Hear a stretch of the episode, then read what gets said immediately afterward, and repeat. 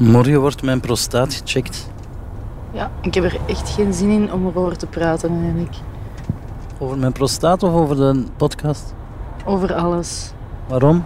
Omdat ik het een beetje beu ben. Waarom? Sinds dat je aan je podcast hebt begonnen, zijn uw, uw symptomen en uw verschijnselen weer gigantisch hard. Je hebt weer voor alles schrik.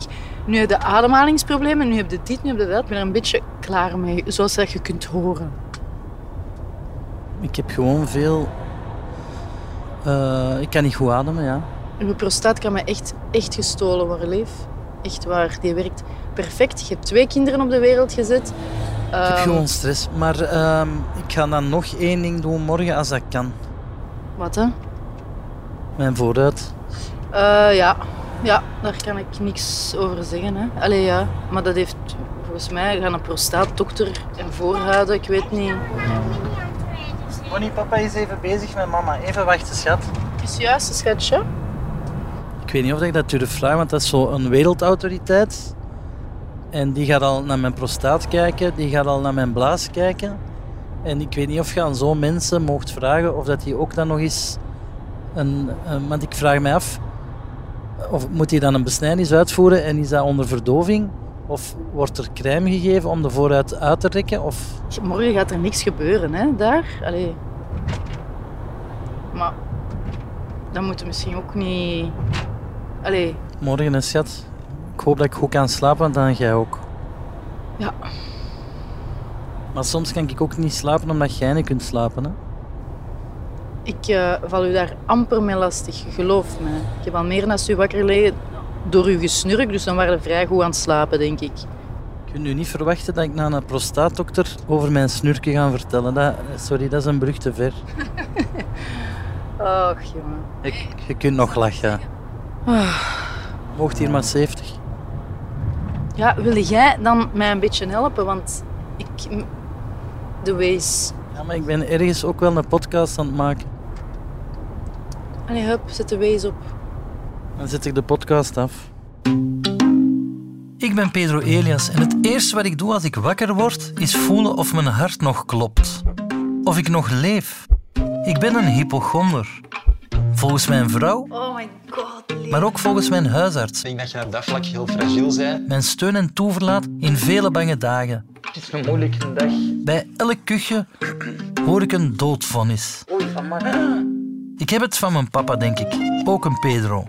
Hij las elke ochtend voor uit een medisch encyclopedie. Elk ontbijt ging hij op zoek naar de kwaal van de dag. Samen met mij. Hij is onlangs gestorven, mijn papa. Op zijn 82ste. Geen slechte leeftijd, maar ik wil beter doen. En vooral niet meer elke ochtend moeten denken dat vandaag mijn laatste dag is. En dus wil ik die angst in mij eindelijk gaan temmen. Voor mezelf, maar ook voor de mensen die ik graag zie. Mijn mama, mijn vrouw Evelien Ik ben er een beetje klaar mee, zoals je kunt horen. en mijn kinderen Bonnie, Rover en Matteo. Wat is dat? Dus heb ik een heel eenvoudig plan. Ik ga mezelf preventief laten screenen We gaan bloed pakken, hè? bij zoveel mogelijk topdokters. Dokter, die meneer Elias is hier voor u. Om zo te proberen om een nieuw nulpunt te bereiken. Leeft genoeg.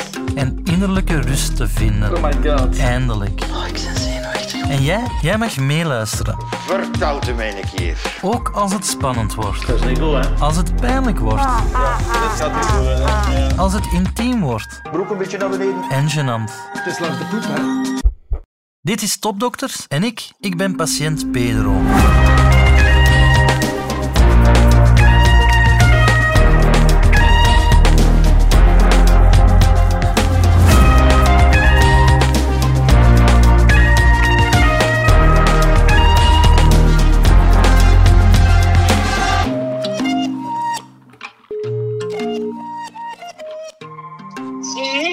Dag mama, daar, hoe is het? alles oké. Oké, ik sta hier in Aalst, in, eh, in de Ja. parking van, Ja. van de kliniek in Aalst. En ik Ja. ga binnen een kwartier naar dokter Motri, dat is een professor, eigenlijk een, een wereldautoriteit urologie. En ik ga Ja. dus eh, mijn prostaat eh, laten controleren. een onderzoek. Ja, Maar ik wou dus, stel dat dat onderzoek fout afloopt, toch nog afscheid van u kunnen nemen. Ik weet niet hoe gevaarlijk dat, dat is, een onderzoek. Maar ik, Nee, dat doen ze de dag van vandaag heel goed. ja. Papa heeft dat ook laten doen en dat was geen probleem. Ah, wel, dat wou ik eens vragen. Weet jij iets over papa zijn prostaat? Eh, die heeft een onderzoek laten doen. Ik denk rond 50 jaar al. Ja. Dat was toen allemaal oké. En over eh, drie jaar is hem geopereerd. Maar hij had geen kanker. En wat was de aanleiding om dat te doen? Ah, eh, hij kon niet goed urineren. Ah ja. Ja. Dat had hem, en zijn vader heeft dat gehad. En eh, dus uw grootvader en uw overgrootvader heeft dat ook gehad. Maar het was geen kanker, het was gewoon een Nee, ongemak. nee, helemaal niet. Ja, en dus, maar dat is al een hele lijn van, van voorvaders die dat hadden. Ja, Zie je dat? Snapte nu dat ik dat wil laten checken? ja, maar ik vind dat een goed idee. Ah, wel, maar eh, ik eh, duimt voor mij. Ik zou zeggen, brand een kaarsje. Niet dat ik ongerust Ja. ben eh, op dit moment. Nee, maar het schijnt dat dat nu heel, heel goed gaat, dat, dat onderzoek. Ja, want dat is via de poep. Hè. Je weet waar dat hier zit. hè? Ja, ja, dat Ja. weet ik. Ja. Dat weet ik. Ik kijk er niet naar uit, maar goed. Het, Oh, je ziet dat toch niet, hè? Nee, dat is waar. Je Al, moet op uw buik liggen. voilà. Alles voor de wetenschap, hè, mama? Ja. Allee, ik laat iets weten na het onderzoek. Is het goed? Ja, tot Oké. straks. Dus dat kom je allemaal te weten als je eens naar je mama belt. En het is met die info dat ik het ziekenhuis binnenstap. Ik ga eerlijk zijn met de nodige zenuwen. Kent je de brug der zuchten? Dat is het laatste daglicht dat door doodveroordeelden zien in Venetië. Als ze zo'n bruggetje over moeten. Dat gevoel heb ik nu zo. Ik heb een afspraak met professor Alex Motri. Getrouwd, vader van drie kinderen, kunstliefhebber en CEO van Orsi, een trainingscentrum voor robotchirurgie. Hij is dokter, uroloog, chirurg en robotchirurg. Hij begon zijn carrière in Duitsland. Nadien ging hij naar de VS, maar ik, ik mag hem vandaag persoonlijk ontmoeten in het iets meer bescheiden Aalst. Goeiedag. Hallo, ik ben Pedro Elias. Ik heb een afspraak bij professor Motri. Ik ga hem direct bellen. Dat is goed, dank u vriendelijk. Ja, dokter, die meneer Elias is hier voor u. Oké, ja. Komt eraan, zo. Mijn hartslag.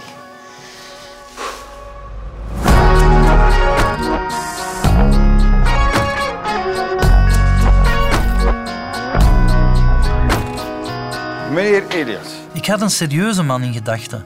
Zo'n typische professor of CEO. Maar Alex Motri heeft een warme uitstraling. Het lijkt me eigenlijk een aangename kerel waar ik wel eens een pint mee wil drinken. Hij heeft een joie de vivre die ik van mezelf herken. Professor, mag ik u geen hand geven, maar ik zou er twee willen geven. We gaan dat zo doen. Hè? Komt u binnen. Zet u, zet u. Oké, dus vertelt u mij een keer. Dus professor, ik neem aan dat u met mijn huisarts eh, contact hebt gehad. Ja.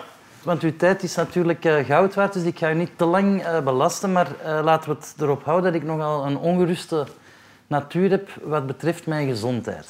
Oké. Ehm, en meer bepaald, de prostaat is daar een onderdeel van. Ja. Uw huisarts heeft mij inderdaad al gecontacteerd. Heel sympathieke man die Ja. erg met u in zit. Dus u bent nu 47 jaar. Is er in de familie kanker gekend of zo? Mijn zoon heeft eh, leukemie. Mijn jongste zoon. Ja. Momenteel? Ja. Ik wil u niet eh, verengen tot enkel de prostaat, maar mijn papa, mijn grootvader en mijn overgrootvader zijn alle drie geopereerd aan hun prostaat. Dat is belangrijk om te weten. Ja, dus mijn papa... eh, En wat hebben ja. ze gehad aan hun prostaat? Weet u dat? Ja, eh, mijn papa is drie jaar geleden geopereerd aan zijn prostaat omdat hij niet meer kon plassen. En hetzelfde geldt voor de beide voorgangers, waarvan één zelfs op reis in Frankrijk, wat niet de eindbestemming was, is met spoed moeten worden geopereerd. Oké, dus ik zal u een keer een beetje uitleg geven. Ja. Ehm, de huisarts heeft ook een PSA-controle gedaan. Dus we hebben, ehm, ik heb hier nu toch uw bloedwaarde te pakken gekregen van uw huisarts. En ehm, ik moet naar eigen scha- schande vaststellen eh, dat die bijna beter is dan de mijne. Echt? Ja, dus de PSA, die normaal is tot 4, is bij u 0,5. Dat is heel goed. Checkt u Ik zichzelf doe dat jaarlijks, vaak? absoluut. Absoluut, alle jaren. Dus uw prostaat wordt alle jaren gecheckt? Ja, ik geloof daar rotsvast in. Ja, Zo, ik ben natuurlijk iets ouder als u, maar, eh, maar dus voor mij is dat... zelf, dat zegt heel veel. Hè? Ja. Ja. En eh, kan ik iets doen aan mijn prostaat om die in goede conditie te houden? Het beste is alle jaren een PSA laten doen. Wij kunnen prostaatkanker helaas niet pakken voordat hij eh, Nee. kanker is. En als we hem dan hebben, dan willen we hem pakken op een zo Klein mogelijke en in een beginstadium. Bij vrouwen is dat zeer ingeburgerd, hè, dat men jaarlijks naar de gynaecoloog gaat. Bij een man is dat nog niet altijd het geval. Nu moet men dat doen vanaf jonge leeftijd. Ik zou zeggen nee. Eh, meestal is het zo dat wij aanraden aan mensen om al vanaf 50 jaar een jaarlijks preventieonderzoek te doen. Alleen bij mensen met prostaatkanker in de familie stellen wij voor om eigenlijk vanaf 45 jaar een jaarlijks Ja. preventieonderzoek te doen. Daarom dat ik dit deel van het parcours doe. En ik heb ook een vriend die er is aan overleden, een kennis. Ja? Maar hij heeft zich te laat laten Ja. onderzoeken. ja. Nu, wat is eigenlijk een prostaat? Weet u dat? Ik ging het net aan u vragen. Ik hoop dat u dat weet. Ik kan het niet loszien van het mannelijk lid. Een prostaat heeft eigenlijk met het mannelijk lid niks te maken. Ah, nee. Nee. Het enige dat dat doet, is eigenlijk... Daar zitten kliertjes. Dat is een verzameling van klierbuisjes die allemaal vocht afgeven om samen met de zaadcelletjes die komen uit de zaadblaasjes en het soort transport te vormen van die zaadcelletjes, het ejaculaat te Ja. vormen. Dus een ejaculatie, als ik dat zie in een, allee, hè, op mijn buik of eender waar, dat zijn niet alleen zaadcellen. Dat is eigenlijk vooral prostaatvocht. Dat wist ik dus niet. Hè. En we hebben dat vocht nodig om die zaadcellen naar buiten te krijgen. Allee, toch naar de, Het transport. naar de en die, het is de bedoeling dat die een tijd lang kunnen overleven in de schede om de tijd te krijgen om te kunnen bevruchten. Dat is eigenlijk de bedoeling. Superbelangrijk. Ja, absoluut. Ja. Oké. Dus als ik dat teken, hebt, ge- komt u maar wat dichterbij. Hoor. Ja. Hebt u dus de En dan geeft de professor uitleg. Deskundig en duidelijk. De prostaat is als een mandarijn. Hoe ouder hij wordt, hoe groter hij wordt. Hoe meer goedaardig vlees er groeit, dat kan drukken op de plasbuis. Zoals bij mijn vader, grootvader en overgrootvader. Een normale prostaat is 20 gram. Dus uw prostaat groeit met de leeftijd. Mag dus- ik dan stellen dat de prostaat een beetje de jaarring is van het lichaam? Een beetje de wat? De jaarringen van een boom, dat je daaraan kan...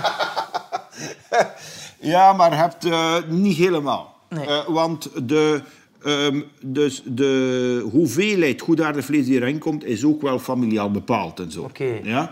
Nu, het gevolg van die goedaardige vergroting, dat is dat je in principe moeilijker kunt plassen en dat je straal dunner wordt. Dat vind ik iets dat ik wel... Allee, eh, als ik mij met een hoge drukreiniger eh, moet vergelijken, Dank u wel, dat is een schone vergelijking. ja. dan ben ik niet meer dat supermodel dat heel veel eh, verf kan. Dus ik denk dat dat wel Ja, achteruit ja. gaat. Ja, meestal vraag ik aan de mensen of ze nog een naam in de sneeuw kunnen schrijven of over de beek kunnen plassen. De vraag is altijd hoe, hoe, hoe breed is die. Dus door de vergroting van de prostaat krijg je soms een nerveuze blaas. Ja, En dus, eh, ik noem altijd de blaas de ziel van het lichaam. Kijk naar, een, eh, kijk naar een student die moet examen afleggen, die gaat vijf keer gaan plassen Ja. en die heeft nog altijd het gevoel dat hij moet gaan. Of een, ik wil u niet met een stier vergelijken, Nee, maar nee, een stier, een stier in de wei die nerveus is, wat doet hem? Ja. Hij begint te plassen. Want professor, ik moet tijdens opnames voor een programma eh, valt me erop dat iedereen zegt moet jij nu weer gaan plassen, maar dat zou dan een soort spiegel van mijn hoofd kunnen zijn op dat moment. Maar Ja. ik moet s'nachts... Maar het kan Vaak ook zijn opstaan. door een combinatie dat uw blaas sowieso iets gevoeliger. Had u dat vijf jaar geleden ook? Ik moet al heel mijn leven Wat vaak gaan plassen. plassen. Zeker als je alcohol drinkt, dan moet ik heel vaak gaan. Ja, maar dat is een straffe gods. Ah, oké.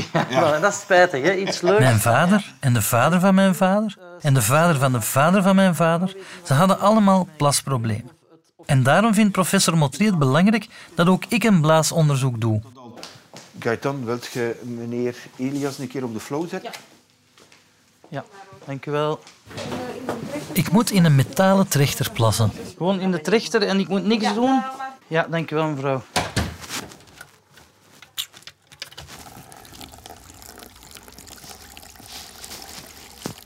Als dat gebeurd is, geeft een vriendelijke dame me een briefje mee. Er staat een curve op. Maar die kan ik uiteraard zelf niet ontcijferen. Alsjeblieft, professor. Prima. We gaan een keer kijken. Dus, hebt ze nu geplast zoals thuis? Eh, ik heb recht gestaan. Ja. Maar, eh, ik zit wel vaak omdat ik heb gehoord dat dat goed is voor de prostaat. Ja, dat is, Fabeltje. eh, u gaat naar het verkeerde café. Maar dus, ehm, is dat ongeveer zoals u thuis plast? Is dat vergelijkbaar? Is het slecht? N- Maar nee, ik vraag, eh, eh, mijn Nee, vraag is... dus... eh, Of is, ja, is, dat, is dat representatief? Dat is mijn vraag. Ik twijfel eraan omdat ik niet zoveel had gedronken nu. Hè. Waarom vraag ik dat? Om een of andere reden wil ik geweldig scoren op die plastest. Competitiebeest. Maar de dokter wil me iets duidelijk maken. U ziet de curve hier, die is al wat afgevlakt. Maar dat is niet erg. hè. Maar dus, normaal gezien Allee, jong. men zo. Maar bij u is dat al een klein beetje afgezwakt. Ja? En eh, dat heeft niks te maken met kwaad, maar dat is waarschijnlijk al een beetje een begin van een goedaardige vergroting. Allee. Ik heb Dus? ooit gelezen, een wetenschapper, Tycho Brahe, een eh, voornaam wetenschapper, die is ooit niet gaan plassen omdat dat onbeleefd was tijdens een gesprek met prominenten en hij zou overleden zijn.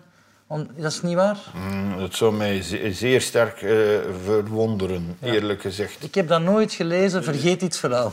Ja. Nee, nee, maar dat is de, eh, een broodje aap verhaal dan. Dat je kan Dat sterven moet je een... absoluut zeggen, want dat is zodanig pijnlijk dat je dit...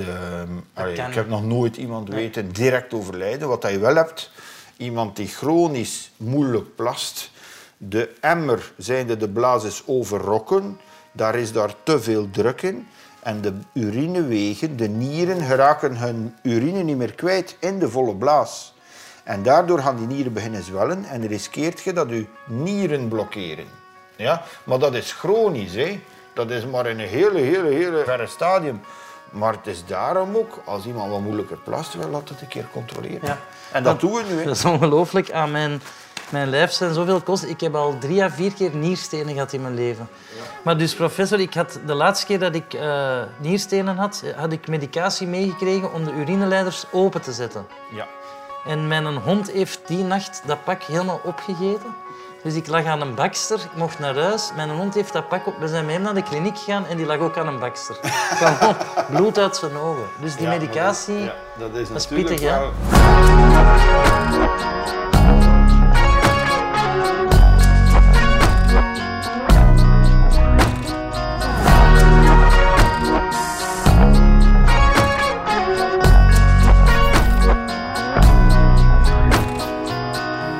De slagbank. Ja.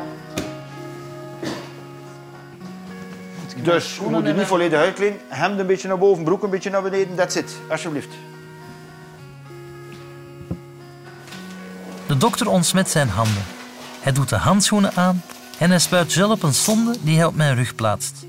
Het is best te vergelijken met een echo van een zwangere buik. Dat is de echo. Hè. We gaan nu kijken naar uw nier. Dat zal een beetje koud zijn, niet verschieten. Een keer diep inademen en adem even inhouden. Even inhouden. Ik doe wat de dokter zegt en hou mijn adem in. En ik kan maar aan één ding denken. Nierstenen. Pijnlijke nierstenen. Dit is de dag des oordeels. Eventjes kijken. Grote stenen zie ik hier in het eerste zicht niet. Geen steen. Nu, je zou kunnen denken... Ja, mocht ademen. Mijn excuus, ja, ja, mocht ademen, Sorry, als anders u dat gebeurt niet er zegt, iets. doe ik dat niet. Anders gebeurt er iets ernstiger, dan, ehm, hè, dat is ook niet nodig. En zijn het goede nieren? Dat ziet er perfect uit. En dan is het tijd voor het rectale onderzoek. Een keer op uw zij draaien, uw schone kant naar mij. Ja. Ja, knieën een beetje plooien naar uw buik toe. Perfect. En ontspan u. hè. Dit is het moment dat ik het meest vrees. Hopelijk vindt hij niks raars of ongezonds aan mijn prostaat. Dus ik heb ook wat voldoende gel gebruikt. Want ik zeg altijd aan mijn assistenten dat gel is in de urologie zoals krijt in de biljart. Men zegt er altijd krijt op tijd, hè? of niet? Terwijl de dokter een rectaal onderzoek bij mij uitvoert, maakt hij de vergelijking met een keu uit het biljart. Maar ik weet niet of dat de beste metafoor is op dit moment. Wel heb ik ergens gelezen dat een prostaat evenveel zenuwuiteinden heeft als een clitoris. En ik voel het. Dus had u mijn prostaat nu vast? Ja, die, die voelde perfect goedaardig aan. Ja. Die voelt dan homachtig. Ook qua grootte en alles? Eh, misschien een heel klein beetje vergroot al, maar niet, Vergroot. niet overdreven. en is dat het goedaardig vlees dat Ja, toeneemt? een begin van. Dus nu zal ik een echografietoestel Via naar binnen anus. brengen. Via de anus naar binnen brengen. Hè? Ja. Dus wat doet u nu? Een camera in mijn poep eigenlijk? Eigenlijk wel. Een Ja. soort, niet echt een camera, een Oké, echografietoestel. ja. En we gaan nu een keer de grootte meten daarvan, Van de prostaat. van de prostaat. Oh. Als u oh zegt, is dat omdat er iets raar Nee, is? omdat ik hem misduwd heb. Ah, Sorry, oké. we gaan een keer eh, vlug Nee, doe maar alles voor het onderzoek. Ja, dat is... Eh, leeft genoeg? Ja, eh, ik leef nog, maar ik vind dat u dat zo goed uitlegt dat het eh, niet raar is of zo. Allee, oké. Eh, zo. En dus ik zie inderdaad daar aan de uitgang van de blaas een heel klein beetje weefselvorming. Is dat kanker? Nee, dat is geen kanker. Dat is zeg maar een begin van een, hetgeen dat wij noemen een eh, middenkwapje. Maar ik kan u dat later nog een keer uitleggen als je dat wilt. En is dat een tumor? Nee, nee, dat is geen tumor. Dat is opnieuw goedaardig vlees. Oké.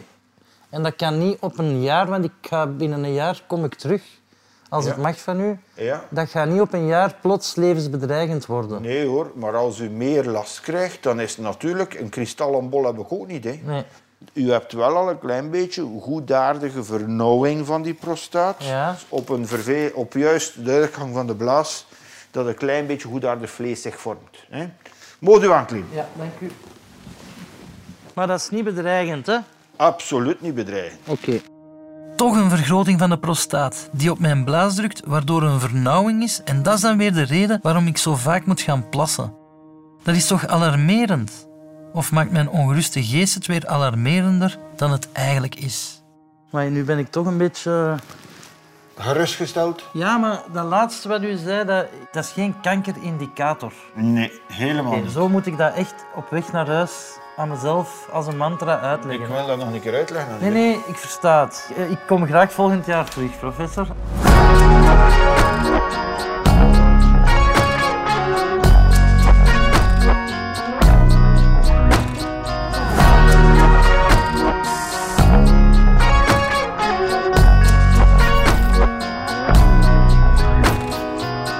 Al mijn ongerustheid besef ik plots dat ik iets ben vergeten vragen. Ik snap als dat niet past, maar ik heb eh, mijn voorhuid een aantal maanden geleden bezeerd met mijn echtgenote. Ja. Maar ik ben blijven vrijen eigenlijk. En sindsdien eh, knelt mijn voorhuid. Als ik een erectie heb, eh, doet dat een beetje pijn. Ja. En mijn vraag was, is dat ook uw vakgebied om daar naar te kijken, wat ik daaraan kan doen? Want het is Absoluut. een beetje een ongemak. Dat is eh, heel vervelend. Ja, dus, waardoor mijn voorhuid nu ook... Allee, moet ik dat zo een tuit... Allee, ja, dat is fascinant. Maar ja, u bent een dokter, dat maakt niet uit. Hè. Nee. Dat, eh, ja, dat is gewoon lastig tijdens het vrijen. Ja, dat is niet aangenaam bij het vrijen, want dat kan pijn doen. Ja, ja. Ah, ehm, als bij een erectie de voorhuid over de eikel komt en niet meer weg kan, dan riskeert u hetgeen dat wij noemen een Spaanse kraag. Ah ja. Ja, hebt u daarover gehoord? Nee, maar ik ben van Spaanse afkomst. En wat heb je gedaan? Ik zoek Dus het op en lees. Spaanse kraag of parafimose. Een strakke voorhuid kan klem zitten achter je eikel. Je eikel en voorhuid kunnen dik worden. Het wordt een Spaanse kraag genoemd omdat het lijkt op de brede ronde kragen die vooraanstaande Spanjaarden droegen in de 16e eeuw. En laat mij nu net een vooraanstaande Spanjaard zijn. Maar dat is niet het belangrijkste, dat is comfort. Ik wil vooral gezond zijn, dus ik vind mijn prostaat nog Ja, belangrijker. maar hè. ik denk ook aan uw vrouw. Hè. ja, ja, dat is waar. Ah, ja, ja, ja. Nee, nee, dat is heel vriendelijk. Weer de slagbank op. Maar dit keer is het voor de voorkant. Dus we gaan dat hier eventjes naar beneden doen. Doe maar. Ja, oké. Ja, dat is inderdaad nauw, hè. Ja, dat is veel te nauw, hè. Ja, dat is heel lastig. Dat komt niet goed, hè. Daar moeten we, denk ik, een, een, een soort besnijdenis bij doen, hoor. Ja, want dat zal alleen meer ja, worden. want het is- dat het is is een verlittekening en dat kan... Nee, nee, dat geloof ik niet. Dat zat gekneld rond Ja, mijn... maar dat is gekneld niet door een ongelukje. Maar dat is gekneld omdat dat nauw werd. En u denkt dat dat Oh. daardoor is. Ik zou ook de schuld op mijn vrouw steken. ik hè. heb dat gedaan. Maar, maar, ja, maar dat is niet waar. Ah. Dat, u had toen die vernauwing. En sindsdien wordt die vernauwing Ja. alsmaar meer, Ja. hè? of niet? Hè? Ja, nee, dat is Ja. verergerd. Ja, dit is maar één mogelijkheid. Ja. Dat is een, een besnijdenis doen daarvan. Oké, dat is duidelijk. Ik heb nog één ietsje voor u. Wacht, hè. Als ik dat terugvind, een klein momentje. Eh, waar heb ik dat weer? Eh, hier. Dat is van een zekere Gustave Thibon van 1955. Een Fransman. Ne pas mourir est une chose, vivre en est une autre.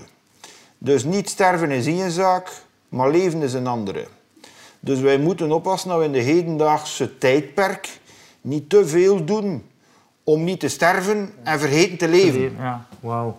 Een heel mooi citaat. Ja. Oké, vriendelijk bedankt professor voor uw Voilà. tijd. En ik Graag ga, ik ga... Ik ben moreel verplicht om nu opgelucht te zijn. Hè? Absoluut. Voilà, dan ben ik het. Als u het wel zegt. zin gedaan. Oké. Perfect. Dank u wel, professor. Maar De professor geeft me een soort mens vuistje en verdwijnt dan uit mijn leven. Tijdelijk toch. Binnen twee weken zal hij mijn voorhuid verwijderen ergens in een zaal die ze zaal 11 noemen, en dat tussen 8 uur en 8 uur 15. Daarna zullen we ongetwijfeld allebei verder gaan met ons leven. Ik vraag me echt af hoe het kan. Binnengaan voor een prostaatonderzoek en buiten gaan met een afspraak voor een besnijdenis. Waarom kan er bij mij nooit niets normaal verlopen? Ik zou het aan mijn vader moeten vragen, maar die is dood. Ik ben benieuwd of hij fier zou zijn op mijn missie en vooral op de staat van mijn prostaat. Bij het buitenrijden van de kliniek besef ik dat ik dringend langs mijn moeder moet. Ik moet mijn vaders Larousse Medical gaan oppikken en me dringend inlezen over besnijdenissen. En iets in mij vermoedt dat er op die bewuste encyclopedische pagina al een ezelsoortje van mijn vader wacht. Of een post-it met dingen die je moet doen wanneer een besnijdenis fout afloopt. Dag Aalst, kijk nog snel even naar mij. Ik ben sinds kort de man met de perfecte nieren, de heerlijke prostaat en de superblaas. Terwijl ik de snelweg oprijd, dank ik de wetenschap in zijn geheel en professor Motry in het bijzonder. En ik bid hardop tot de God waarin ik niet geloof. Want mijn hartader kan nog breken, mijn darmen kunnen nog vol gif zitten, mijn longen vol pek en er kan nog zoveel stuk gaan in en aan mijn leven. Tot dan dwing ik mij om gelukkig te zijn met wat ik heb. Moest ik het kunnen, ik zou mijn prostaat hier en nu omhelzen. Volgende week laat ik als ex-roker mijn longen onderzoeken bij dokter Eva van Brakel. Meneer Elias, goedemiddag. Kijk, mag u geen hand geven? Nee, inderdaad, ik ben dokter Van Brakel, aangenaam. Ken u? Voilà, ik ga nog eerst een knijper op uw neus zetten. Dat is wat vervelend. Ben je er klaar voor? Ik ga Ja. de deur dicht doen. Hè. Ja, je mag dat mondstukje innemen. Kan je mij voldoende horen via de luidspreker? Ja, Perfect. ja. Ik moet, ik- hoor je mij voldoende of niet? Ja. Ah, dat is perfect. Blazen, blazen, blazen, blazen, blazen, blazen, blazen. Nog een beetje verder. Dit was aflevering 2 van Topdokters Patiënt Pedro, door Woestijnvis en uitgesproken, voor GoPlay en het Nieuwsblad. Deze podcast werd gemaakt door mezelf, Pedro Elias en Anne Dieudonné, die de pen, de micro, haar hart en mijn hand vasthield. Speciale dank aan Evelien, mijn mama en alle topdokters. En ook aan onze permanente hulplijn Wouter van Driessen en aan Karel Dieriks van SBS. De productie was in handen van Laure Balkaan en Hanne van Vlaanderen. De montage en muziek werd gemaakt door Stef Leenaerts van House of Media. Dank ook aan onze partner Het Nieuwsblad. Die bundelt de meest netelige lezersvragen over de prostaat en legt ze voor aan Dr. Motry in de rubriek Slimmer Leven. Op dinsdag lees je ze in Het Nieuwsblad en op nieuwsblad.be.